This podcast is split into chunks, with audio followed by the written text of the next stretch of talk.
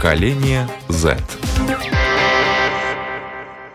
Здравствуйте, в эфире программа «Поколение Z», и это программа, в которой молодежь, молодые ребята, школьники сами предлагают темы и обсуждают открыто здесь э, все, что а, они хотят обсудить, и все, э, кто хочет узнать мнение молодежи по разным а, вопросам, пожалуйста, смотрите нас э, на э, портале YouTube, слушайте нас в подкастах Spotify, и, конечно, вы можете найти э, информацию о программе поколения Z в социальных сетях, на Фейсбуке, в Инстаграме, ну и, конечно, на нашем сайте lr4.lv. Я ее ведущая Марина Талапина, всегда с интересом жду, что же предложит нам сегодня наша молодая аудитория, о чем мы сегодня с ребятами будем говорить говорить, и я поддерживаю их темы, мне всегда это очень интересно. И интересно с двух точек зрения, потому что сегодня э, ребята достаточно открыто говорят о многом, том, о чем э, в наше время говорили гораздо-гораздо тише. И сегодня под наш обстрел попали уроки литературы. Уроки литературы в школе, не исключаю, что учителям-словесникам тоже сегодня достанется. И поскольку ребята, которые участвуют в программе, сегодня считают, что чтение скучных книг по школьной программе отбивает желание читать вообще у молодежи, наша тема э, программы называется «Почему я не читаю?».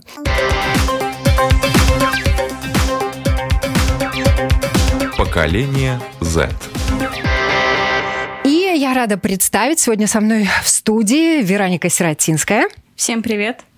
А также с нами на связи по Zoom Иван Назаров. Всем привет. Арина Дудник. Всем привет. Ну и как же э, нам-то без учителей литературы мы не смогли не пригласить. Сегодня э, с нами э, в программе э, учитель Роман Шмелев, который также мой коллега, журналист Латвийского радио 4. Э, как Вероника в начале программы призналась, она думала, что появится бабушка в очках. Ну вот у нас сегодня такая замечательная бабушка в очках. Роман Шмелев. Я рада очень тебя Да, видеть. приветствую вас, уважаемые радиослушатели, участники программы. Да. А, мне понравилось, как Марина ты сказала, не могли не пригласить, но все-таки вынуждены были пригласить, да. Итак, ребят, ну давайте для начала, наверное, конечно же, вообще э, разберемся. А что вы читаете, если читаете? С кого начнем, Вероник, давай. Ты тему предложила, ты зажигай. Ну, я читаю в большинстве художественную литературу. Раньше я очень увлекалась научной фантастикой, потому что для меня, наверное, интереснее читать про то, чего в этом мире нету, чем про то, что мы и так уже знаем. Но в последнее время я также стала переключаться на нехудожественную литературу, потому что из нее можно получить намного больше концентрат информации, чем из художественной. Вот так. А в школе то, что предлагают читать, почему тебе не нравится? Ну, не вся литература в школе скучная. На мой взгляд, есть и достаточно интересные книги. Меня больше не устраивает подход, с которым нас просят читать в школе. На мой взгляд, просят читать и из-за этого школьники читают для галочки, лишь бы для того, чтобы получить оценку и забыть об этом. Но мне кажется, что чтение не в этом. Чтение в том, чтобы читать ради удовольствия и что-то для себя новое получать. Вот мы об этом немножко попозже поговорим. А давай сейчас узнаем, что читает Иван.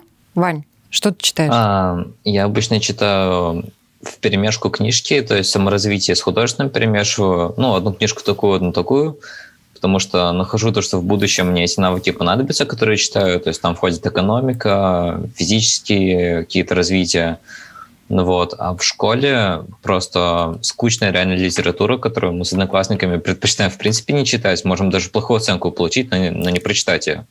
Ах, вы Вот. какие принципиальные. А, Арин, давай. А, ну нет, на самом деле я э, читаю школьную, как школьную, так и лите- ну, школьную литературу и литературу для себя, но я ну, по большей части меломан не только в отношении музыки, но и литературы. Ну, то есть читаю немножко такого жанра, немножко такого. Ну, в общем, что попадется, то и читаю. И уже прочитав, складываю мнение ну, о прочитанном, понятное дело. Ну вот то, что тебе нравится по жанрам с художественной литературы. В отношении форматов я люблю что-то коротенькое, как новеллы или рассказы. Но также люблю читать романы в, в жанре детектив или ужасы. Ну, это, ну, фантастики еще немножко. Ну, в общем, это то, чему отдаю предпочтение. Хотя и это если говорить про художественные жанры. а так и можно почитать немножко чего-то для, ну, как сказать, э, что-то на научную тематику. Тоже приветствую. Угу. Научно-популярную литературу, да, да наверное, так. Именно. Э, именно. Ты учишься в десятом классе. Вань, в каком классе ты учишься? Я в девятый перешел. В девятый перешел, и Вероник? В одиннадцатом. Вероника в одиннадцатом. Ну, очень хорошо у нас так представлена старшая школа. Э, и, конечно, э, я не могу не спросить Рому, а вообще, если вот так вот вспомнить, что ты э, в школьные годы читал, и читала ли ты помимо классного чтения что-то еще наверняка же читал. Ну, конечно, отчасти у меня, я понимаю проблему, о которой э, говорят ребята, э, которая, точнее, заявлена в названии. Э, да, действительно, конечно, у меня тоже был, э, была непростая ситуация. Мне казалось, э, что то, что мы проходим на уроках, э, но не всегда отвечало моим э, интересам. Я помню, что для меня было важным тот самый момент, это было что это мне было тогда 12-13 лет, э, такой вот подростковый возраст, э, заря подросткового возраста, когда я, э, поглядывая на отцовские книги, на родительскую книжную полку, начал оттуда что-то доставать самостоятельно и читать. Э, это, конечно, читается совершенно по-другому. И вот тот, та самая там первая, ну не первая, конечно, но, скажем, первая осознанно выбранная сложная книжка, это был Альбер Камю, э, там «Чума», «Миф о Сизифе», вот это все. Э, и, конечно, несмотря на сложность самого текста, это читалось точно так же непонятно, как и многое, что проходилось в школе, но так как я сам выбрал эту книгу, то, конечно, у меня была некоторая большая лояльность лояльность к этому тексту, чем там, к некоторым текстам классической литературы. Ну, я должна тогда тоже признаться, что же я читала в, в школьные годы. Вот я очень хорошо помню, как я читала а, а, а, прям в захлеб, мы там с подружкой брали томики любовной а, лирики и читали стихотворения различных поэтов. Очень такая замечательная подборка была э, советских классиков. Вот. Так, э, современных классиков она называлась, СК. Вот. И э, также обожала я детективы, и Чейза, и Конан Дойля. И помню, дико мне обидно было, когда я входила в библиотеку за Конан Дойлем, мы в итоге эти книги читали все дома, и мне она доставалась в последнюю очередь. Все говорили, Мариночка, мы прочитаем, тебе дадим. Вот, и я опаздывала вовремя сдать книгу из-за своих любимых родственников, но тем не менее, слава богу, вот, ну, у нас тогда в захлеб читали Конан Дойля все. По школьной программе я очень хорошо помню «Войну и мир». Но я очень хорошо помню, как мы ее не хотели читать, и как мы ее читали, и как мы ходили в кинотеатр смотреть фильм. Вот. И тут, наверное, конечно же, вопрос того, как преподносится литература в школе. Вот э, уроки литературы... Марина, извини, пожалуйста, а можно мне со стороны вот учителя, все-таки я так э, не понял э, самого понятия э, скучная литература. Вот ребята могут ввести его, прежде чем мы будем говорить о том, как она преподается, эта скучная литература, что они вкладывают в это понятие? Потому что вот меня совершенно не устраивает само по себе просто использование этого термина в абы каком э, смысле. Я не понимаю, что такое скучная литература. Ну, давайте. Отвечайте преподавателю на вопрос. Ну, для меня лично урок литературы считается скучным, если мы берем не то, что полезно в книге, а просто анализируем по какой-то схеме, которую предлагает учитель. И таким образом мы просто не можем взять из книги то, что мы сами хотим. И делать надо именно то, что просит учитель. Также, ну, мне, меня так немного не устраивает, что несмотря на то, что у всех индивидуальные предпочтения, список весь под сотни, ты, даже тысячи человек примерно одинаковый. То есть список литературы, который предлагает э, школьная программа, для тебя немножечко скучноват, да, однообразен. Да, mm. можно и так сказать. Ну, есть еще мнение по этому поводу, Вань? Арина. Про список или в принципе?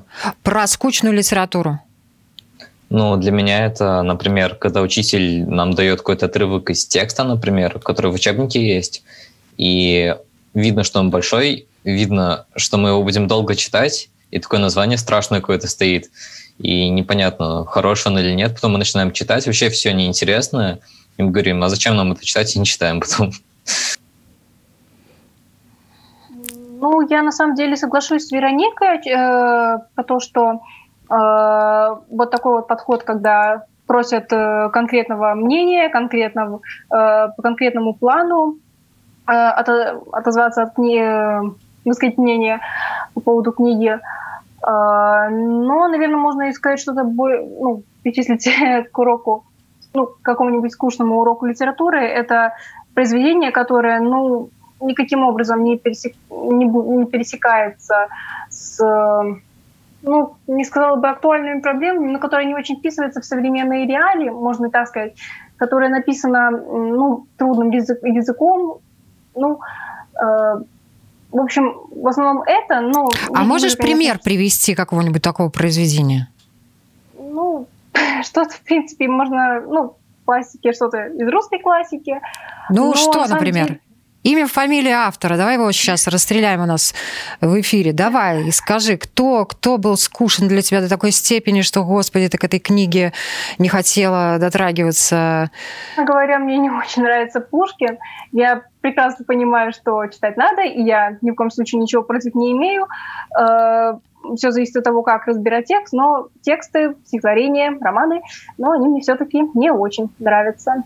Полностью поддерживаю Арину. Я тоже чуть ли не засыпала, когда нам надо было читать Евгения Онегина.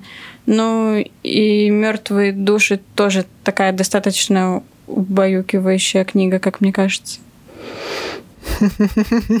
А есть урок литературы, который вам запомнился, на котором, я не знаю, учитель э, крутил кульбиты, произвел на вас неизгладимое впечатление, и ту книгу, которую он порекомендовал, вы прочитали с превеликим удовольствием, оставили ее на своем столе и пересчитываете ее вновь и вновь и вновь.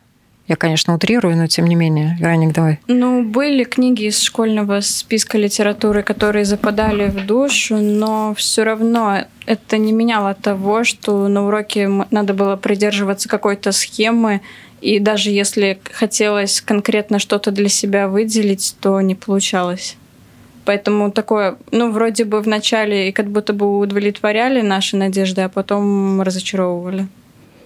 То есть преподаватель э, кидал крючок, да?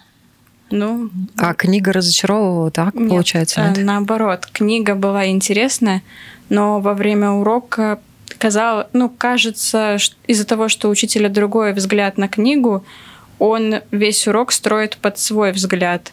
А. И из-за этого ну, нету такого ощущения удовлетворения от обсуждения своей книги, ну, своей любимой книги. То есть толком вам не давали высказываться? Да. Навязывали мнение? Ну, я не могу сказать, что нам его именно навязывали. Но высказываться не давали? Ну, да. Ну, хочется, Ваня, Арина, вас тоже услышать. Ну, у нас не то, что была книжка именно. У нас один раз учительница наша заболела по литературе, и пришел какой-то артист э, на замену к нам. Он пел, играл на гитаре, он сыграл нам э, какой-то стих, который под гитару пересделали. Нам очень понравилось. Все девочки его выучили, потому что он классно пел и играл. Ну вот, это был такой яркий эпизод у нас в школе. И он запомнился, да? Ну, конечно. Угу. Ну, книги вы, конечно, после этого не побежали читать, тем не менее, урок литературы превратился в нечто более увлекательное, да? Ну, мы поняли, что некоторые стихи все-таки, может, и можно как-то выучить с полезностью для себя. Арин? На самом деле у нас э, практически всегда уроки проходили на ура было очень интересно слушать, было Ну и сейчас, наверное, интересно слушать русский литературу. Да? У тебя же сейчас тоже, да, идет? Э, да, но я все-таки, наверное, склоняюсь к тому, ну, у нас э, ввиду карантина, э, и, в принципе, изменение, э, ну, как сказать, программы, все-таки 10 класс отличается от э, основной школы. Я именно все-таки буду говорить про основную школу, потому что, ну, вот опыт именно там мне запомнился больше всего. Вот, и ну, уроки проходили просто отлично. Всегда было интересно слушать учителя, э, высказывать свое мнение. Я уже молчу про то, как э, наша ученица разнообра... пыталась разнообразить э, ну, уроки. Я имею в виду даже не сколько уроки, сколько уже проверку, ну, опять же, не знаний, но ну, анализирование книги. То есть давались разные задания, и, ну, прям совсем разные. И, ну, было интересно. Было интересно, и книги давались интересные, и, как я уже сказала, подход к урокам был тоже интересный. То есть мне только позитивные отношения, на самом деле. Ну, тут очень хорошо прослеживается, что личность учителя все-таки играет роль. У нас сегодня очень замечательный учитель, и я в это глубоко верю, потому что замечательный журналист, э, также, э, Рома, я сейчас про тебя говорю. Вот ты уроки литературы, которые проводишь в школе, вот как ты их строишь? И скучающих э, детей ты замечаешь, подмечаешь, ты под них как-то подстраиваешься? Проблема, о которой говорят э, ребята э, в моем сознании, это звалась следующим образом. Э, каждый из них назвал те или иные примеры того, как э, литература, э, классическая литература оживала э, на их уроках. И в тот момент они э, были впечатлены там чем-то, что там происходило. Была ли, была ли там игра на гитаре или значит, э, что-то э, впечатляло в каких-то конкретных текстах. Поэтому я, конечно, убежден, что вопрос э, не в самом Пушкине, Евгений Онегин и «Мертвые души» — это дело не в том, что это такая забронзовевшая классика, а это суперхиты своего времени. Это важнейшие литературные, культурные события это, 19 века, э, сродни там выходу фильма «Марвел» или новому сериалу на Netflix. Евгений Онегин — это вообще как бы Э, такой э, бесконечный сериал, выходивший на протяжении там восьми лет, э, и публика э, ждала каждой новой главы с э, необычайным интересом. То есть это может быть, разумеется, э, интересно и э, может быть живо, только понятно, что, конечно, мы сталкиваемся с серьезной не то чтобы проблемой, но особенностью, которая заключается в том, что 99,9,9,9% э, тех текстов, которые мы читаем а, на уроках литературы, они а, написаны, ну, как бы это сейчас не прозвучало, мертвецами, то есть людьми, которых уже с нами давно нет. Это тексты прошлого. А, и, разумеется, к ним нужно найти э, тропинку. И когда мы с нашими ребятами да, в классе разбираем того же самого упомянутого Пушкина или там Гоголя, то а, я замечаю, что довольно сложно, а, конечно, перевести с русского на русский, но когда это сделать удается, и когда мы совместно проводим эту работу по осознанию текста, то ребятам становится понятно, что э, Пушкин не так далек от них, как это изначально кажется. Э, сами э, ребята участвуют в создании школьной программы, потому что, с одной стороны, понятно, что как бы это, это экспертная ответственность самого учителя, да, собрать, набрать таких текстов, такие тексты включить в школьную программу, чтобы они, с одной стороны, отвечали некоторому обязательному багажу, э, по прочтению которого, по освоению которого можно было бы э, сказать, что ты что-то понимаешь про там, русскую словесность и про то, как существуют э, вообще смыслы в русской культуре. Но, с другой стороны, безусловно, конечно, нужно организовывать интерес э, учащихся. Ну и это действительно уже вопрос на самом деле очень методический. Как это делать, каким образом, э, как э, делать э, совместно с учениками, выстраивать эти программы. А, мы сейчас, как учителя, и как, как, да, и как вы, ребята, и как ваши родители оказались все в довольно тяжелой э, ситуации. Ну, понятно, что э, и так-то образование э, значит, испытывает некоторые Э, проблемы кадровой и вообще модернизации во, во всех смыслах этого слова. А сейчас еще в, в эту эпоху так вообще тушите свет. Тут не до жиру, быть бы живу, что называется. Но с другой стороны, все равно, тем не менее, личность учителя и учитель ведет вот по той тропинке и протаптывает эту свою тропинку для того, чтобы учеников э, по ней провести к той же самой литературе, правильно? И тут Нет, ну, ребята... ну, конечно, личность учителя влияет, но э, в данном случае все-таки мы мы уходим не на урок там Роман Сергеевич или Марьи Ивановны, а или там какого-то, значит, э, классного парня или, значит, э, умудренной опытом э, женщины.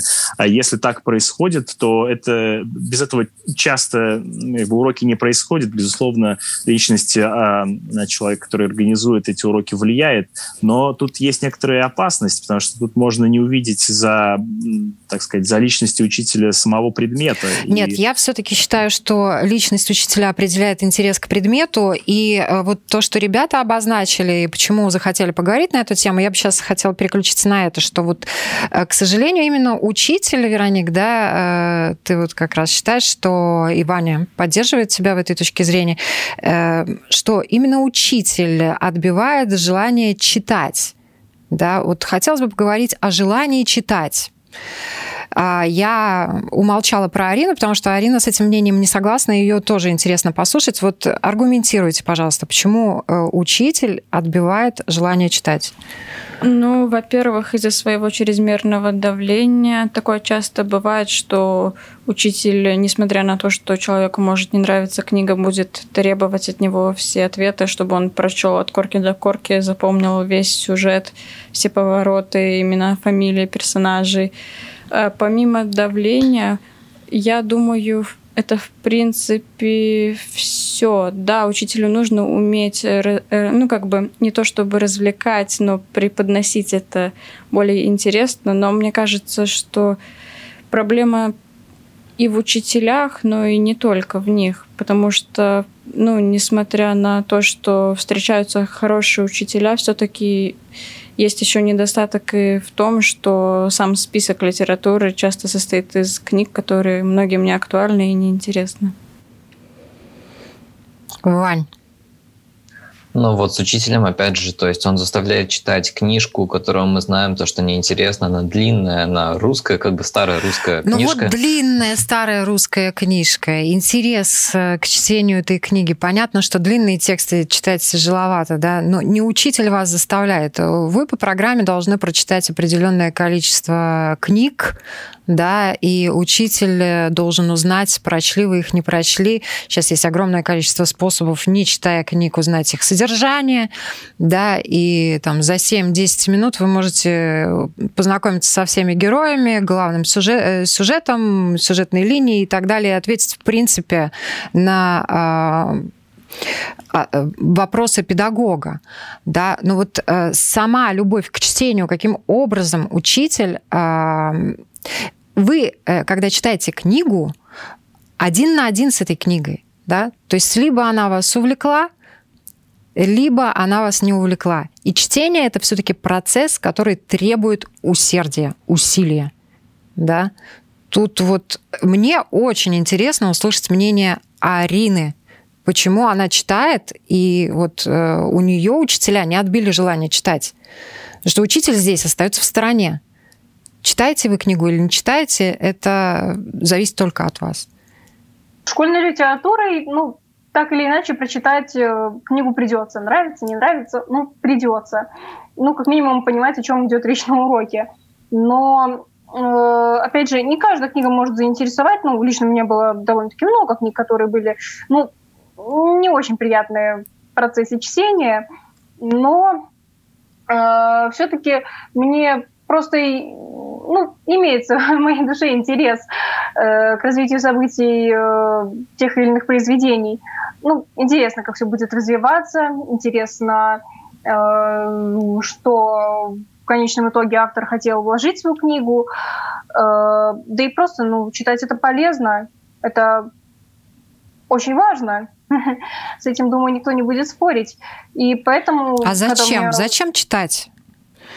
Ну. По статистике, кстати, э, больше всего люди читают, читают, мы все читаем, да, вот из того, что мы читаем, больше всего мы читаем и молодежь, и старшее поколение новости и в средствах массовой информации в социальных сетях, да, потом э, плюс-минус где-то 30% нашего чтения занимает э, художественная литература, причем надо отдать должное молодежи, если старшее поколение где-то в среднем 32% выделяет на это время, э, то эм, младшее поколение 38%, да, то есть, э, в принципе, художественная литература, ваше поколение, может быть, как раз за счет вас, за, вашей, за счет вашей школьной программы, да, читает больше.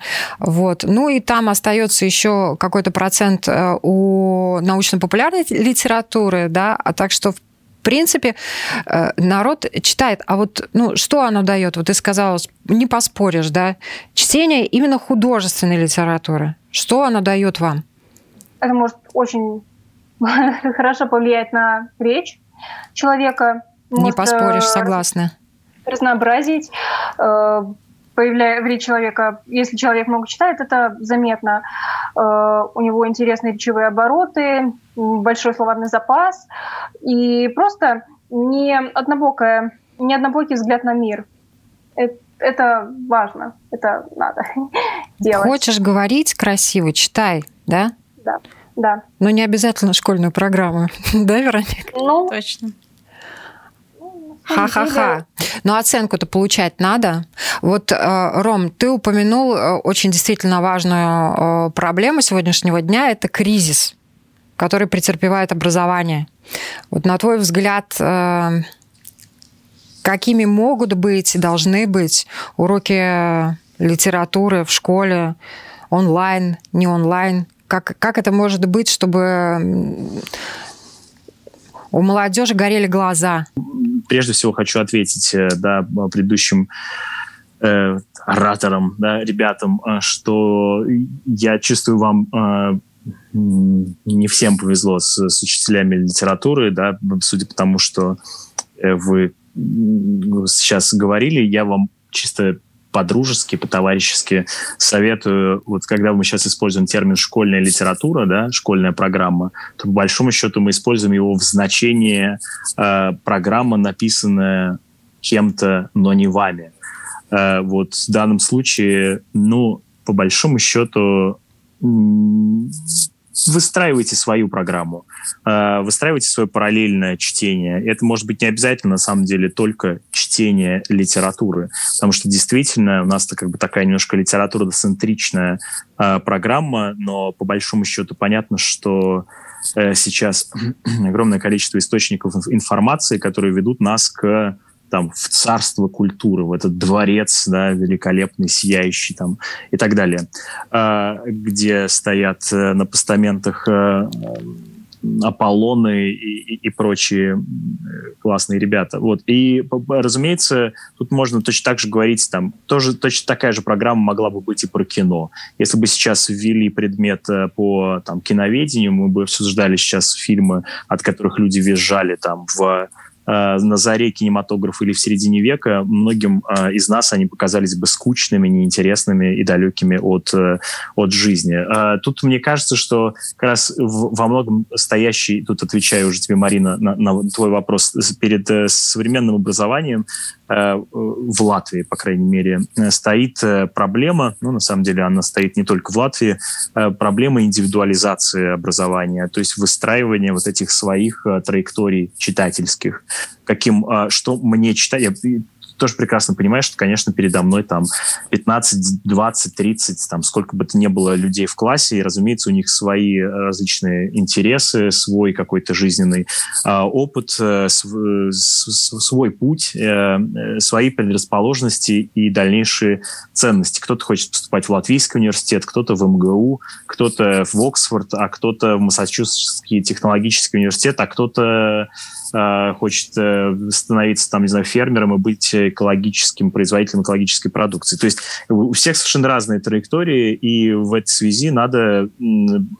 точно так же, как и в других предметах, э, выстраивать э, свою траекторию чтения. Но для этого, конечно, тут э, очень большая ответственность ложится на самих а, учеников, насколько они смогут организовать свое учебное продвижение и как как они себе объяснят, почему Евгения Онегина читать не надо, а в этот момент надо читать э, автобиографию, там, не знаю, или биографию Илона Маска, или там э, э, Тима Кука, да, как бы, окей, я, ну вот Понятно, что мы сейчас э, э, размышляем о прекрасных уроках литературы, которые могли бы быть, но понятно, что сейчас там кому-то не хватает э, компьютеров, кто-то там навыков использования современных ну, технологий ну, платформ. бесспорно, да. Вот. Но это уже другая тема немножко. Конечно, но вот то, что касается конечно. литературы, я посмотрела список литературы с 1 по 12 класс, спасибо большое, Вероника, ты прислала, да?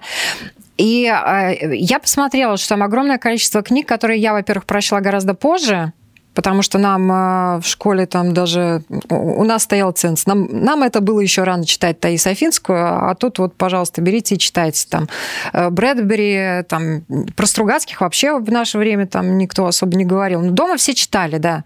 Читали, конечно, в наше время, наверное, может быть, я не знаю, больше, но э, читали больше, потому что у нас не было такого количества информации, которая поступала к нам через интернет. Э, да, понимаешь, про, про проблема той программы или таких программ, да, о которых мы сейчас говорим, она заключается в том, что там есть некоторые имена, вписанные туда, там, славой, кровью, там, и, и, и так далее, да, и э, к ним тропинка, вот эта та самая, которая там, э, которая не зарастет, да, которую писал Пушкин, она прокладывается к их такому а, как бы зияющему над тобой памятнику. А, вопрос в том, что та проблематика человеческая, которая а, нас с тобой, ребят, а, людей, а, опосредованно участвующих в нашей беседе, касается, разумеется, постоянно поднимается и в русской классической, там, европейской и так далее, классической литературе, той самой литературе, которая вот сейчас оказалась там скучной там и так далее. Э, вопрос в том, что через вот эту проблематику, э, проблематику вечных э, вопросов, которые, которые идут запросы непосредственно от учеников, вот через них по, по идее и должен строиться вот этот поход в увлекательнейший мир классической литературы. У нас сегодня сидят ребята читающие. Вот что бы вы порекомендовали вообще в программы включить? Какие книги, каких авторов?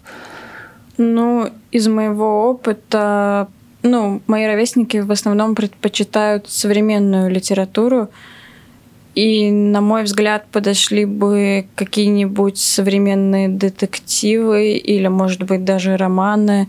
Но, опять же, это все зависит от индивидуальности человека. Но, например, есть такой роман «Девушка в поезде», очень многим нравится. Автора я не помню, к сожалению. И, ну, вообще, это, конечно, очень индивидуальный вопрос, и мне кажется, всем рекомендовать что-то сложно, потому что кто-то, наоборот, может предпочитать книги, написанные давным-давно. Бань. А, я в седьмом классе читал книжку Луи Бусинара «Похитители бриллиантов», и мне прям в душу так запало. Мне эта книжка очень нравится, я перечитываю периодически. И вот эта вот теплая атмосфера чтения, наверное, книжка, вот. И из авторов, наверное, Джек Лондон, он очень хороший тоже, многим нравится, в том числе мне. Э, «Сердца трех» было хорошее, мне понравилось. Ну вот, в принципе, да, две эти книжки прям засели во мне. Джек Лондон, по-моему, включен в программу, может быть, более старших классов. По поводу современной литературы, в ней намного более простой язык. И мне кажется, так, э, ну, сверстникам и современникам, в принципе, легче воспринимать информацию, чем читать какие-то очень сложные художественные обороты. Заморачиваться, да, не хочется? Да. Да, хочется попроще. А если еще в картинках, так это вообще замечательно. Но чтение, оно же развивает. Почему? Потому что вот те самые знаки буквы ваш мозг обрабатывает, и благодаря этому нейронные связи в нашей голове строятся, строятся, строятся, строятся, строятся, строятся. И э, ну, человек э, всегда отличает этот другой уровень мышления. Да? И хочется, конечно, вообще, Ром, тебя тоже спросить. Вот э, ты и много читаешь, и много видишь, и много знаешь что бы ты из э, списков литературы, обязательной к чтению в школе, убрал, может быть, сегодня? А что бы оставил и что бы, может быть, туда привнес? Передо мной, как у учителя, безусловно, всегда, буквально вот, да, я сейчас подключился к вам, у меня только что были, а, закончились уроки, да, сейчас э, и мы отключимся, и я продолжу тут размышлять о там составлении программы там для старшей школы, и, конечно, я сталкиваюсь с, с, с вопросом, так все-таки там, там, не знаю, э, замахнуться ли на братьев Карамазовых или, и, или остановиться там на, на преступлении и наказании, Анна Каренина или там «Война и мир», или ни то, ни другое, ни третье, ни десятое, а там там тот же самый, э, не знаю, тот же самый Бусинар или там что угодно. Да? А, мы, мне кажется, что тут отчасти, с одной стороны, должно быть э, э, предметом договора между учителем, э, учениками, э, школой, родителями в том числе, потому что они тоже участвуют в этой схеме образования.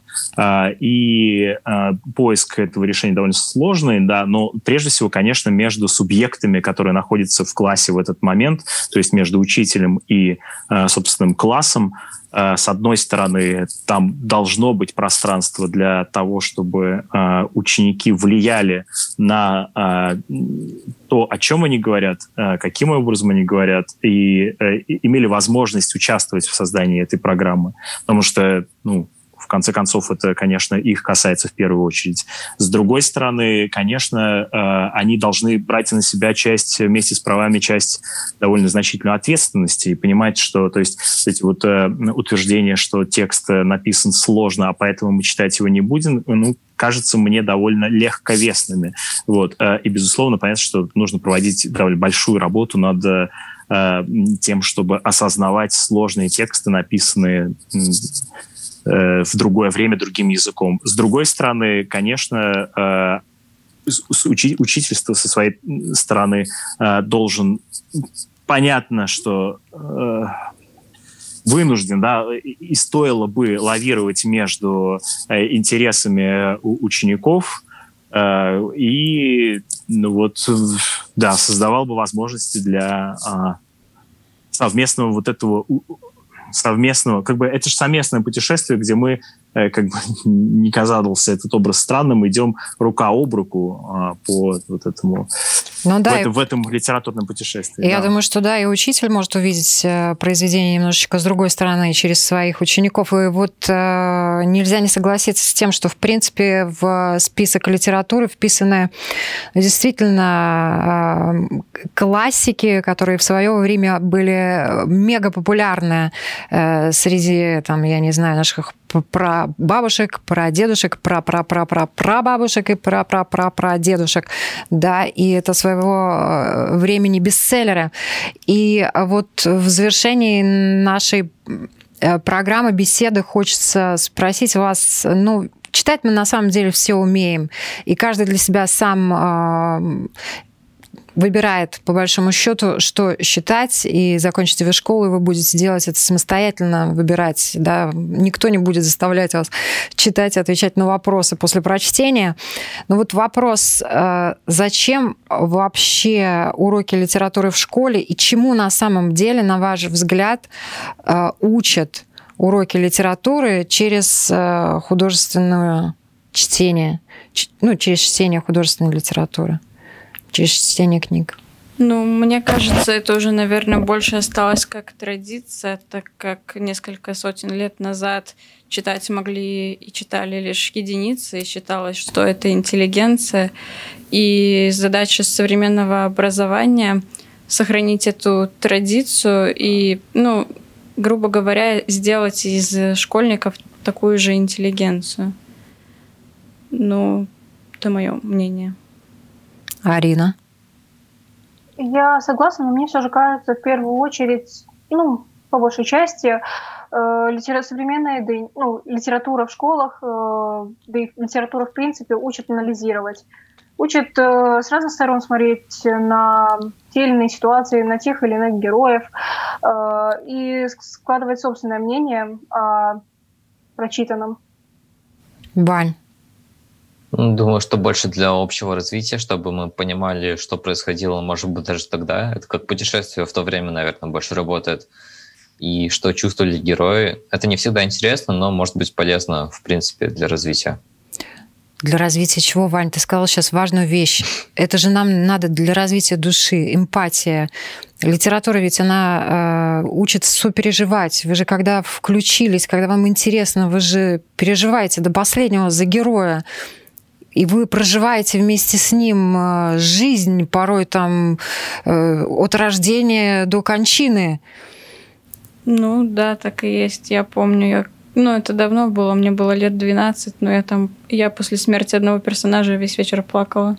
Ну, но это же литература с тобой сделала. И на следующий вечер тоже плакала. Это же не пережитки, это же наше настоящее, это же ценность вообще. Ром, Скажи, пожалуйста, что-нибудь. Я просто вот э, с одной стороны э, мне очень понравился наш разговор, да, с другой стороны, во мне э, бушуют эмоции по поводу того, и кипят мысли, а как же, как же, а что же, что же будет дальше? Будут ли читать вообще или переключаться вообще на, на, на просмотр фильмов и будут читать только те, кто пишет сценарии к этим фильмам. Я совсем, конечно, утрирую. Но тем не менее, чему да, в чем вопрос? Ты, чему ты учишь детей на своих уроках? Вот что главное, что ты хочешь донести через свои уроки литературы до молодых людей?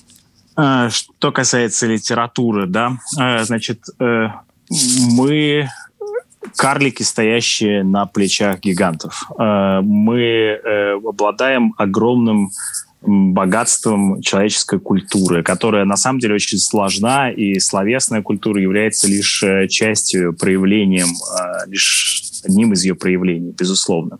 Э, так или иначе, вся эта культура как бы знаковая. Поэтому, конечно, литература сама как предмет тоже сейчас трансформируется и уходит от того, чтобы а, изучать лишь художественные тексты, в том числе туда просачиваются и тексты э, не художественные, э, причем очень разных жанров, э, в том числе э, и тексты, ну, с, текст современный. Понятно, что на самом деле, конечно, перед э, образованием вообще, перед предметом литературы в частности, стоит, стоит сейчас вызов, каким образом соответствовать э, да, требованиям эпохи, заключающимся в том, что э, мы живем в, в постгутенберговское время, э, на нас свалилось огромное количество э, информации, которую мы должны как-то перерабатывать, как-то ее верифицировать э, и э, как-то ее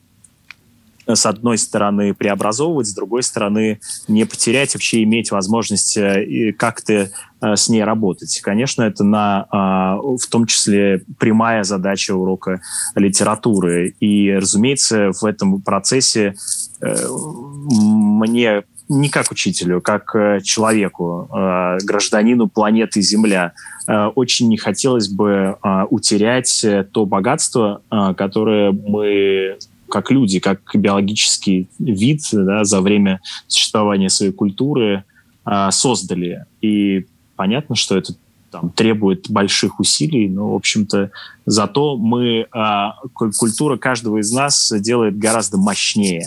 Э, и эта мощность проявляется уже в вышесказанных э, таких простых прикладных вещах, вроде способа выражать свои мысли и там как-то делать это более или менее красноречиво, вплоть до до, до того, что мир вокруг нас не изменишь, если в том числе не найдешь язык с, с, с культурой. Илоном Маском без чтения Евгения Онегина, ну, такую, я скажу, грубую мысль, стать будет сложновато. Именно, подтверждаю, успешные люди много читают, в том числе художественной литературы. Спасибо всем огромное за эту беседу. С вами была Марина Талапина. Читайте и в помощь вам книги.